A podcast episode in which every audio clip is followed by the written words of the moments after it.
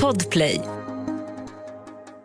Du lyssnar på Politikrummet, Expressens podcast om svensk politik. Idag lyssnar Magdalena Andersson på Stefan Löfven. Gör någon det? Och är Centerpartiet verkligen på väg att svänga? Häng med.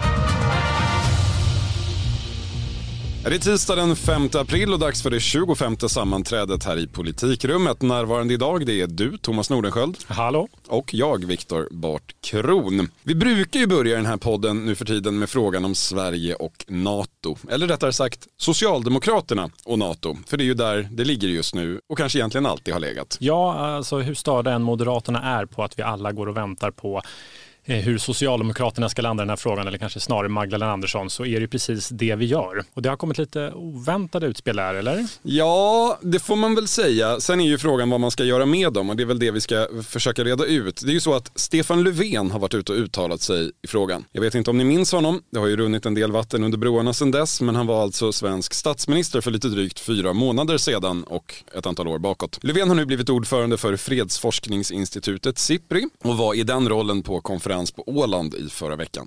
Han fick då frågor om det här med ett svenskt eventuellt NATO-medlemskap från den finska public service-kanalen YLE. Och svaren var väl egentligen ingenting som han inte har sagt förut, men ändå i sammanhanget ganska anmärkningsvärda. Han sa så här, för egen del har jag inte blivit överbevisad om att vi plötsligt skulle få en säkrare situation om vi lägger NATO-gränsen alldeles intill Ryssland i hela Europa. Och så fortsätter artikeln, Löfven tror inte på att ha NATO och Ryssland precis intill varandra. Det ökar inte säkerheten, säger han.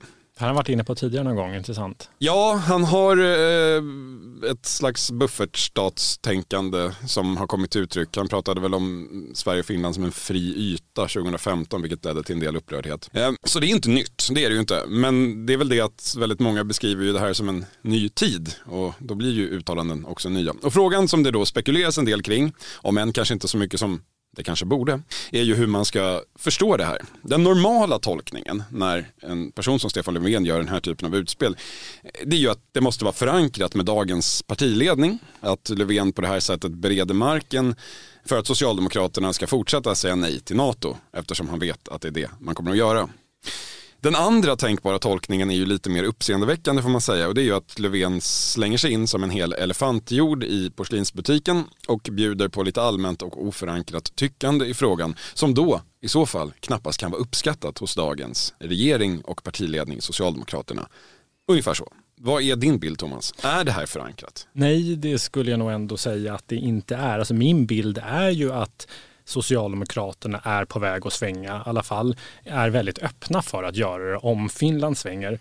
Alltså Magdalena Andersson har ju redan tagit ett första avgörande steg skulle jag säga, eh, där hon i praktiken väl mer eller mindre har uttalat en NATO-option när hon säger att eh, hon är redo att ansöka om medlemskap eh, och säga ja till NATO om hon gör bedömningen att det ligger i Sveriges intresse. Och bedömningen inom Socialdemokraterna, det man får höra när man pratar runt, är ju att om Finland säger ja, vilket allt mer tyder på att de kommer göra inom en ganska snar framtid, ja men då ligger det även i Sveriges intresse att säga ja. Så det gör ju det här än mer egendomligt får man säga. Det får man ju säga. Det är, jag vill verkligen stanna stanna lite där vid hur sensationellt det faktiskt är om det nu är på det viset som du säger och jag brukar lita på dig, du brukar ha rätt. Eh, det är ju alltså inte ens fem månader sedan som Stefan Löfven var statsminister i det här landet och chef då för Magdalena Andersson, Peter Hultqvist, Ann Linde och alla andra som nu sitter med det här i knät i regeringen. Den största frågan i svensk politik, åtminstone sedan EU-ansökan för 30 år sedan, i den värsta säkerhetspolitiska krisen för svenskt vidkommande sedan, ja, andra världskriget eller U137,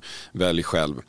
Och han spekulerar då lite fritt. Föreställ er att Angela Merkel, som ju slutade ungefär samtidigt som Stefan Löfven, skulle göra något liknande. Kanske inte ändå. Ja, men samtidigt är ju inte det här, det han säger, det ska man ha klart för sig, det är inte helt taget i luften. Det är en gammal, han, han, han slår ju an till en gammal socialdemokratisk självbild där man sett på sig själv och Sveriges roll som en form, ja, men som en form av buffert ändå, en alliansfri yta mellan öst och väst och eh, ja, men, ja, men en form av stabiliserande kraft för fred i det då. Och eh, om S hade haft för avsikt att stå fast vid detta och som du säger, eh, ja, men, eh, liksom, ja, men hålla fast vid ett nej till NATO, då hade ju Löfvens tankar inte varit konstiga men eh, det mesta tyder på att S inte är det. Utan de är på väg att föra Sverige in i NATO. Ja, ja om, eh, Finland, om Finland gör det så att säga. Och det här med Finland gör ju samtidigt Stefan Löfvens uttalanden lite extra delikata får man ju säga eh, om man försöker lyfta blicken något. Om man nu inte tycker, som Stefan Löfven uttryckligen inte tycker, att NATO ska ha gräns mot Ryssland, då blir ju det ett inlägg i den finska NATO-debatten snarare än i den svenska. Ja, men det får man väl säga. Ja, vi har ju faktiskt ingen landgräns mot Ryssland, även om vi går med i NATO. Finland däremot har 130 mil oavsett om de är med i NATO eller inte. Vi har också ett gäng andra grannländer som blir indirekt berörda av Löfvens kommentarer får man ju säga.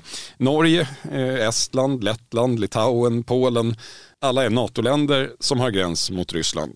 Man kan väl ändå misstänka att Löfvens uttalanden noteras i dessa vänligt sinnade grannländer. Ja, eh, där man kanske det... inte vet att man inte borde ta Stefan Löfven på så stort allvar, för det gör vi inte i Sverige. ungefär. Ja, nej, men om inte annat så har ju det noterats i Finland alldeles uppenbart. Men det man kan säga annars är väl, när man pratar med personer runt Magdalena Andersson och i den nya regimen så att säga, det, det nya styret eh, runt henne, så är ju, de har ju inte kanske egentligen jättehöga tankar om Löfvens ledarskap har inte haft det och velat bryta med det. Det har man gjort en ganska stor poäng av. Man vill stå för ett helt annat typ av ledarskap. Mm. Och eh, ja, men nu har vi, vi har pratat om det tidigare. Magdalena Andersson fick ärva Löfvens viktigaste utrikespolitiska rådgivare Karin Wallensten som har varit statssekreterare.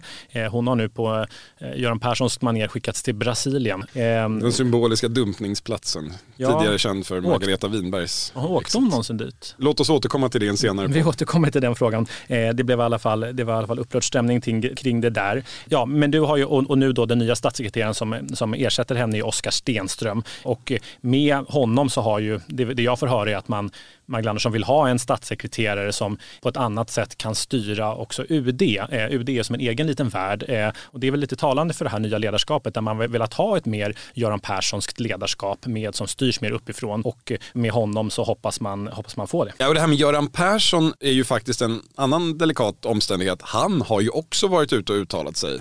De två senaste socialdemokratiska statsministrarna före Magdalena Andersson då har de bägge varit ute och uttalat sig mot ett svenskt NATO-medlemskap ledarskap. I Göran Perssons fall så var det inte lika explicit. Och, och... Det dröjde också ett tag. Vi, det gjorde det? Ja, vi undrade lite varför han höll tyst så länge men sen lyckades TV4 få fatt i honom till slut på en Swedbank-stämma, var det inte så? Det var något sånt och resonemanget var väl att eh, han hade stor respekt för NATO som organisation men att Sverige hade tjänat på att stå utanför den och att han inte såg någon anledning att ändra på den omständigheten oavsett då eh, faktiskt vad, vad, Finland skulle hitta på. Eh, de två senaste socialdemokratiska statsministrarna alltså bägge emot men ändå är vår huvudhypotes menar du att Socialdemokraterna är på väg att gå med i NATO. Eller ja, Sverige. Jag, jag ringde här igår runt till en hel del ledande socialdemokrater och regeringsfolk och eh, tänkte väl egentligen att de eh, borde kanske vara lite stressade vid det här laget med tanke på de här signalerna som kommer från Finland nu. Att de eh, inom kort, ja men det ska komma något besked från Finland redan. Det är lite oklart om det är ett slutgiltigt besked om NATO-frågan men en analys ska presenteras innan påsk och sen ska Sanna Marin också berätta vad hon tycker och tänker. Allt de gör har ju, liksom, har ju krattat för. Det skulle nästan framstå som sensationellt om Finland nu inte kommer med beskedet att de eh, ska gå med. Man skulle det vore onekligen en dramaturgisk twist på processen. Ja, men, och påsk ska vi säga är väldigt snart. Det är nästa det, vecka. Det är nästa vecka. Eh, men bilden tycker jag när man pratar med ledande Socialdemokraterna är tvärtom att de, att de var mer stressade för några eh, veckor sedan. alltså dels anser de att Moderaterna, som väl enligt liksom, även Socialdemokraterna såg hur de var på väg att vinna den här debatten, men hur de har spelat bort sig genom Kristerssons utspel om att där han höjde tonläget och sa att eh, han tänker ansöka om medlemskap oavsett vad Socialdemokraterna tycker och tänker. Sånt får man inte säga enligt Socialdemokraterna. Nej, naturligtvis inte. Sen beror det väl lite på om man betraktar det här som primärt en inrikespolitisk valtaktisk fråga eller en fråga om svensk, eh, Sveriges existens som nation. Ja, men så är det. Men sen dessutom så är det ju så att eh, Anderssons, Magdalena Anderssons eh, förtroendesiffror som ju är eh, väldigt höga. Eh, vi pratar om Göran Persson som den stora ledaren.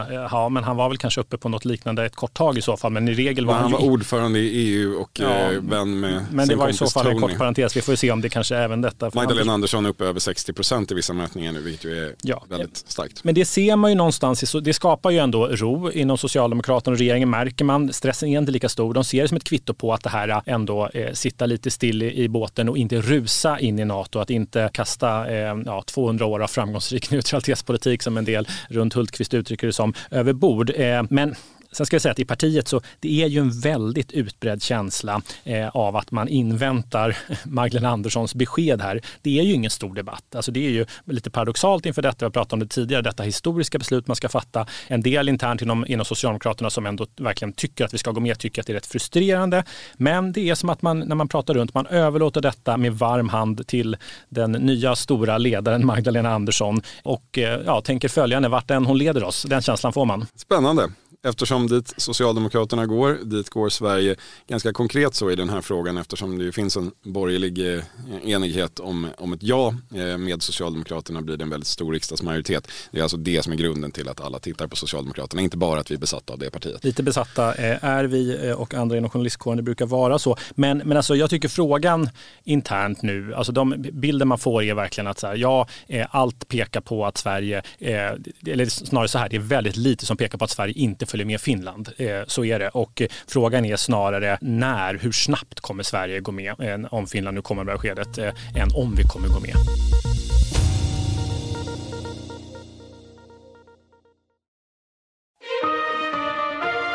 Vi lämnar den eh, socialdemokratiska uppgörelsen med NATO-frågan för en stund och ställer oss en annan fråga. Hur är läget i Centerpartiet egentligen? Frågan är väl på något sätt ständigt aktuell men blev så lite mer än vanligt i förra veckan när våra vänner på tidningen Aftonbladet hade en hel serie artiklar på temat missnöje i Annie Lööfs parti. En del handlade om rena personalärenden, missnöje med arbetsmiljön och här finns förstås plats för skämt om Centerpartiet och arbetsrätten. Men det fanns också anonyma röster som uttryckte ett missnöje med partiets mer politiska omständigheter. Att man har kört fast och fastnat i vänsterburen ungefär. Vi har hört liknande centerröster förr, men frågan är hur pass representativa de faktiskt är, Thomas. Din bild är något annorlunda. Ja, jag ska väl säga till att börja med att jag, det här med att det finns ett missnöje eh, bland tjänstemän och att en, eh, en, en, en rad personer alldeles uppenbarligen hoppat av, det, det, det, stämmer ju. Eh, men, men annars, nej men jag skulle säga att min bild är delvis annorlunda, i alla fall när det gäller den här gamla konflikten kring regeringsfrågan som, har, som, har, ja, men som Centerpartiet har brottats med eh, ända sedan de tog klivet. Just nu pågår vår stora season sale med fantastiska priser på möbler och inredning. Passa på att fynda till hemmets alla rum, inne som ute, senast den 6 maj. Gör dig redo för sommar. Välkommen till Mio. CSRD, ännu en förkortning som väcker känslor hos företagare. Men lugn, våra rådgivare här på PWC har koll på det som din verksamhet berörs av. Från hållbarhetslösningar och nya regelverk till affärsutveckling och ansvarsfulla AI-strategier. Välkommen till PWC över till den andra sidan. Eh, och någon... Hopp, hopp, hopp, Nu är inte Centerpartiet här och kan försvara sig men de skulle ju hävda att de inte har gått till någon annan sida utan de står fast förankrade i den breda mitten medan andra har rört sig mot kanterna. Så var det sagt. Just så. Eh, nej men annars, alltså någonting som, vi pratar ju om Moderaternas NATO-utspel här som ju eh, uppgillat, eller ogillats väldigt starkt inom Socialdemokraterna, fått, för de har fått dem att se rött. Men eh, alldeles uppenbart när man pratar med ledande centerpartister så har det även fått centerpartisterna att se rött. De älskar ju breda överenskommelser, Viktor, eller hur? Det vet ju ja. vi. Eh, och de tycker att det här är urbota dumt. Eh, att, eh, de säger egentligen som Socialdemokraterna, de, Moderaterna höll på att vinna den här debatten. Alltså hur, varför gör de det här? Och det Moderaterna har sagt som väckt så mycket ont blod är alltså att man är beredd att eh, skicka in en NATO-ansökan som regering. Om man vinner valet. Om man vinner valet, om det finns en riksdagsmajoritet bakom, även om den inte innehåller Socialdemokraterna. Vilket alltså i praktiken betyder de borgerliga partierna plus Sverigedemokraterna i händelse av att Sverigedemokraterna ändrar sig och börjar säga ja till NATO. Så det är väldigt många om och men i detta redan som det är. Det är en ganska teoretisk övning men tydligen betydelsefull på andra plan. Ja, men alltså det jag tycker är intressant också när man pratar pratar runt i Centerpartiet är ju att även bland centerpartister som ja, varit emot eh, och kämpat emot det här S-samarbetet och verkligen velat att partiet ska gå tillbaka och bli en del av Kristerssons regeringsalternativ så tycker man att det här var dumt och man är rent generellt inte alls särskilt lovordande över Kristerssons ledarskap. Man tror inte att, eh, men allt färre inom Centerpartiet tror att Moderaterna kommer fixa det här. Man ser hur Moderaterna styr i en riktning som man inte, som man inte uppskattar. Eh, och det, ja, men det är intressant tycker jag. Jag har, liksom, jag har hajade till när jag, när jag hört detta, även bland de centerpartisterna som verkligen annars inte har, har, har, har trott på det här samarbetet med. Vad är det man önskar att Moderaterna skulle gjort istället då? För det, det finns ju ett grundproblem här. Som Moderaterna skulle invända att ja, men, det spelar ingen roll vad vi gör, de kommer ändå stödja S eftersom Sverigedemokraterna behövs för vårt alternativ. Ja, men det är väl också, det, det, vid sidan av det här NATO-spelet så är det liksom ett generellt, som man märker ändå har fört Centerpartiet bort från Moderaterna och närmare Socialdemokraterna, det här generellt höga tonläget. En del pekar på Tobias Billström som ju nu framförallt ägnar sig åt att eh, retweeta olika saker som har med kriget i Ukraina att göra och olika sprängda pansarvagnar och annat. Har du sett det? Ja, det har jag sett. Men eh, när han inte gör det så brukar han ju twittra arga saker om Centerpartiet och centerpartister kan man konstatera. Ja, men så är det. Eh, men det som är tydligt då är, är ändå att även bland centerpartister tycker jag, eh, man får väl se hur pass utbrett detta är, men jag har ändå hört det på, från flera, att även bland centerpartister som i grunden har varit emot det här liksom, nya inriktningen, samarbetet vänsterut, så kan man höra sådana saker som att ja, men i dagsläget är ju ändå Magdalena Andersson den bästa statsministerkandidaten och jag tycker att det det, är liksom, det är intressant. Jag tycker vägen, det är tydligt när man pratar med ledande centerpartister att vägen tillbaka till Moderaterna eh, och in i en moderatledd regering, eh, den är i praktiken stängd, i alla fall väldigt, väldigt lång. Men då är ju motfrågan blir då, vad, vad, är det man ser i Magdalena Andersson som gör henne till en så synnerligen lämpad statsministerkandidat? Är det, finns det någon saklig underbyggnad eller är det hennes personliga egenskaper eller vad handlar det om? Det fanns ju ganska stora farhågor inom Centerpartiet när eh, Stefan Löfven skulle lämna och det blev klart att Magdalena Andersson tog över. Alltså man kände sig trygg med, med Stefan Löfven. Man, eh, någonstans i det låg väl att man man tyckte att det var lätt att eh, förhandla med honom. Man han sa ja till allting. Men lite åt det hållet. Men så fanns det också den här bilden av att Magdalena Andersson som mer, mer vänster, mindre kompromissvillig eh, och att det skulle leda till problem. Men snarare så är ju bilden nu att det kanske är på väg att bli tvärtom. Alltså Centerpartiet som sagt i min bild står närmare en ren regering, regeringsmedverkan, att man sätter en S-regering idag än man har gjort på, på, på väldigt länge. Och det är då dels Moderaternas agerande kanske som har styrt eh, Centerpartiet åt det hållet. Men sen så är det ju såklart, apropå Anderssons väldigt höga förtroendesiffror, det blir ju mer tilltalande för eh, Centerpartiet att eh, vara en del, eh, att förknippas med Magdalena Andersson och vara en del av hennes lag när hon framstår som att hon är på väg mot seger och har, går hem väldigt, ja, men hon går hem även väldigt mycket bland borgerliga väljare och inte minst centerpartister, det ser man ju. Och bland centerpartistiska politiker kanske också då, ja, mer, men, mer än man hade väntat sig. Ja, men medan liksom Löfvens ledarskap, det var, var ju ändå eh, mer en känsla av att det var en båt som höll på att eh, sjunka och eh, ofta gick på grund. Relationen Andersson-Löv var det en del medier som spekulerade i från början skulle vara ett problem, men så verkar det alltså inte ha blivit. Nej, alltså min bild är att det blivit lite tvärtom även där. Alltså att, eh, att Annie Lööf och Magdalena Andersson byggt upp en ganska bra och nära relation, eh, till och med vänskaplig beskriver någon det som.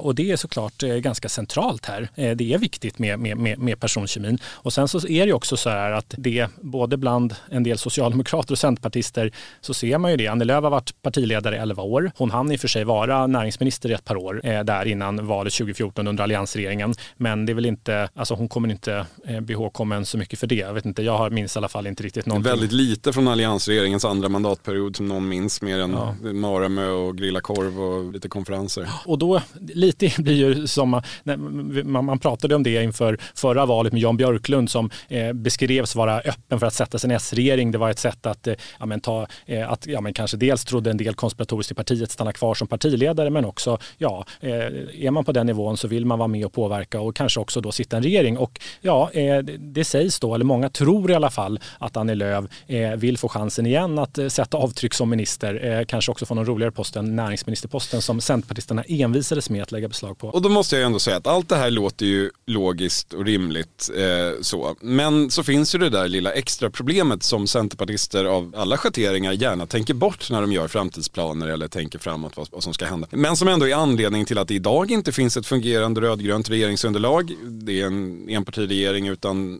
egentligen några fasta samarbetsformer i riksdagen och väldigt dåliga möjligheter att driva sin politik. Det är ju för att det för Centerpartiet ytterst inte handlar om att välja mellan Moderaterna och Socialdemokraterna. Eller det gör det väl också. Men det svåra för Centerpartiet är ju att välja mellan Sverigedemokraterna och Vänsterpartiet. Vilket man kommer att behöva göra om inte himlen rasar in i väljaropinionen. Så även om Centerpartiet sätter sig i Socialdemokraternas regering så kommer ju den regeringen fortfarande behöva förhandla med Vänsterpartiet. Ja, för att kunna tillträda och kunna, för att kunna få någonting gjort. Och det har man väl fortfarande inte visat några tendenser till att öppna dörren för, eller? Nej, nej men så är det ju. Eh, alltså om något, om, så har väl, om nu populariteten eller ja, men, eh, att eh, man har högre tankar om Socialdemokraterna nu under Magdalena Anderssons ledarskap så kan man väl inte säga att man har det om Vänsterpartiet.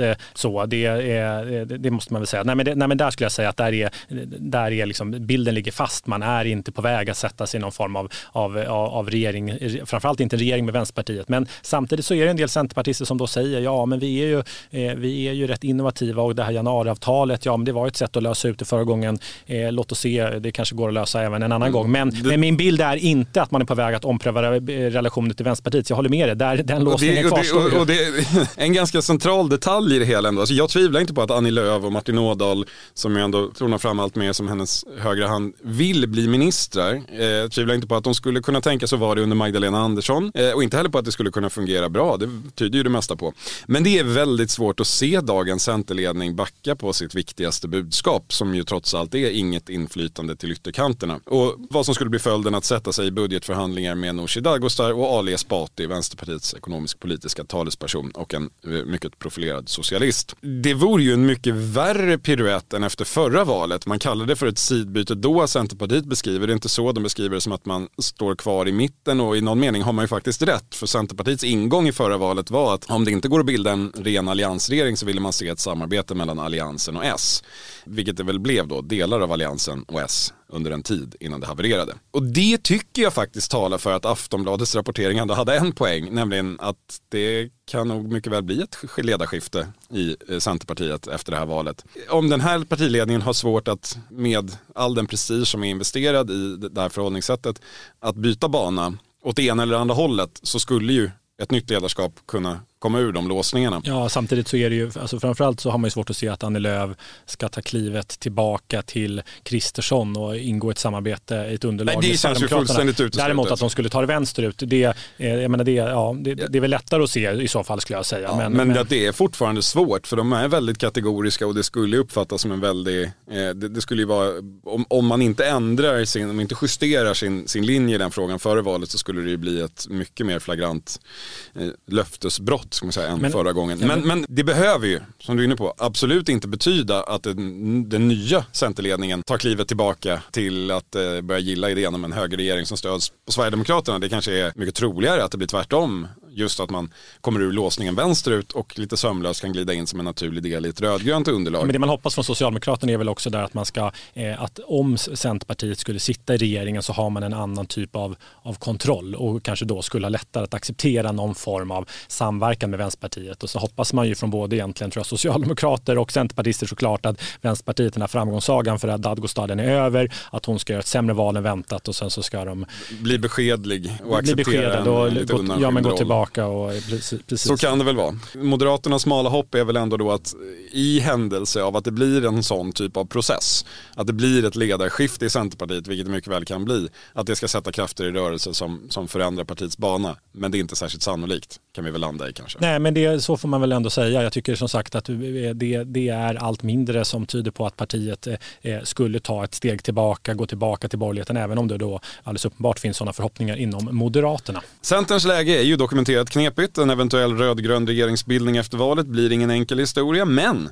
det kom faktiskt en liten öppning i alla låsningar på den sidan nu i början av veckan. Thomas, du träffade Miljöpartiets språkrör Märta Stenevi. Hon var inte lika kategorisk som miljöpartisterna har låtit tidigare när det gäller hur saker och ting ska gå till efter valet. Nej, men en väldigt eh, tydlig låsning på den rödgröna sidan vid sidan av den mest fundamentala mellan Vänsterpartiet och Centerpartiet är ju att Miljöpartiet har sagt att de måste få ges en plats igen igen i den socialdemokratiska regeringen. Annars kommer de fälla Magdalena Andersson. De kommer inte släppa fram henne om de inte släpps in. Eh, nu väljer ju, trots att jag återkommande frågade om detta, så väljer då språkröret Märta Stenevi att inte upprepa detta. Eh, eh det är, eh, enligt mina källor i partiet så har det funnits en kritik internt mot att man har gjort den här liksom regeringsmedverkan, eh, att ha makten till någon över, överordnat. Det är lite fult i Miljöpartiet, men där skiljer man sig från S. Ja. Och, och huruvida, det, det är ju inget som säger att deras anspråk politiskt kommer bli mindre men det är åtminstone en låsning mindre i det hela. Det kan underlätta på marginalen. Eh, vi får se hur mycket. Vi får garanterat anledning att återkomma till detta många gånger under det här året. Men nu rinner tiden ut för idag. Tack för idag Thomas. Tackar. Eh, vi återkommer nästa tisdag i vanlig ordning. Då är det den 12 april. Politikrummet kör igen. Hej så länge.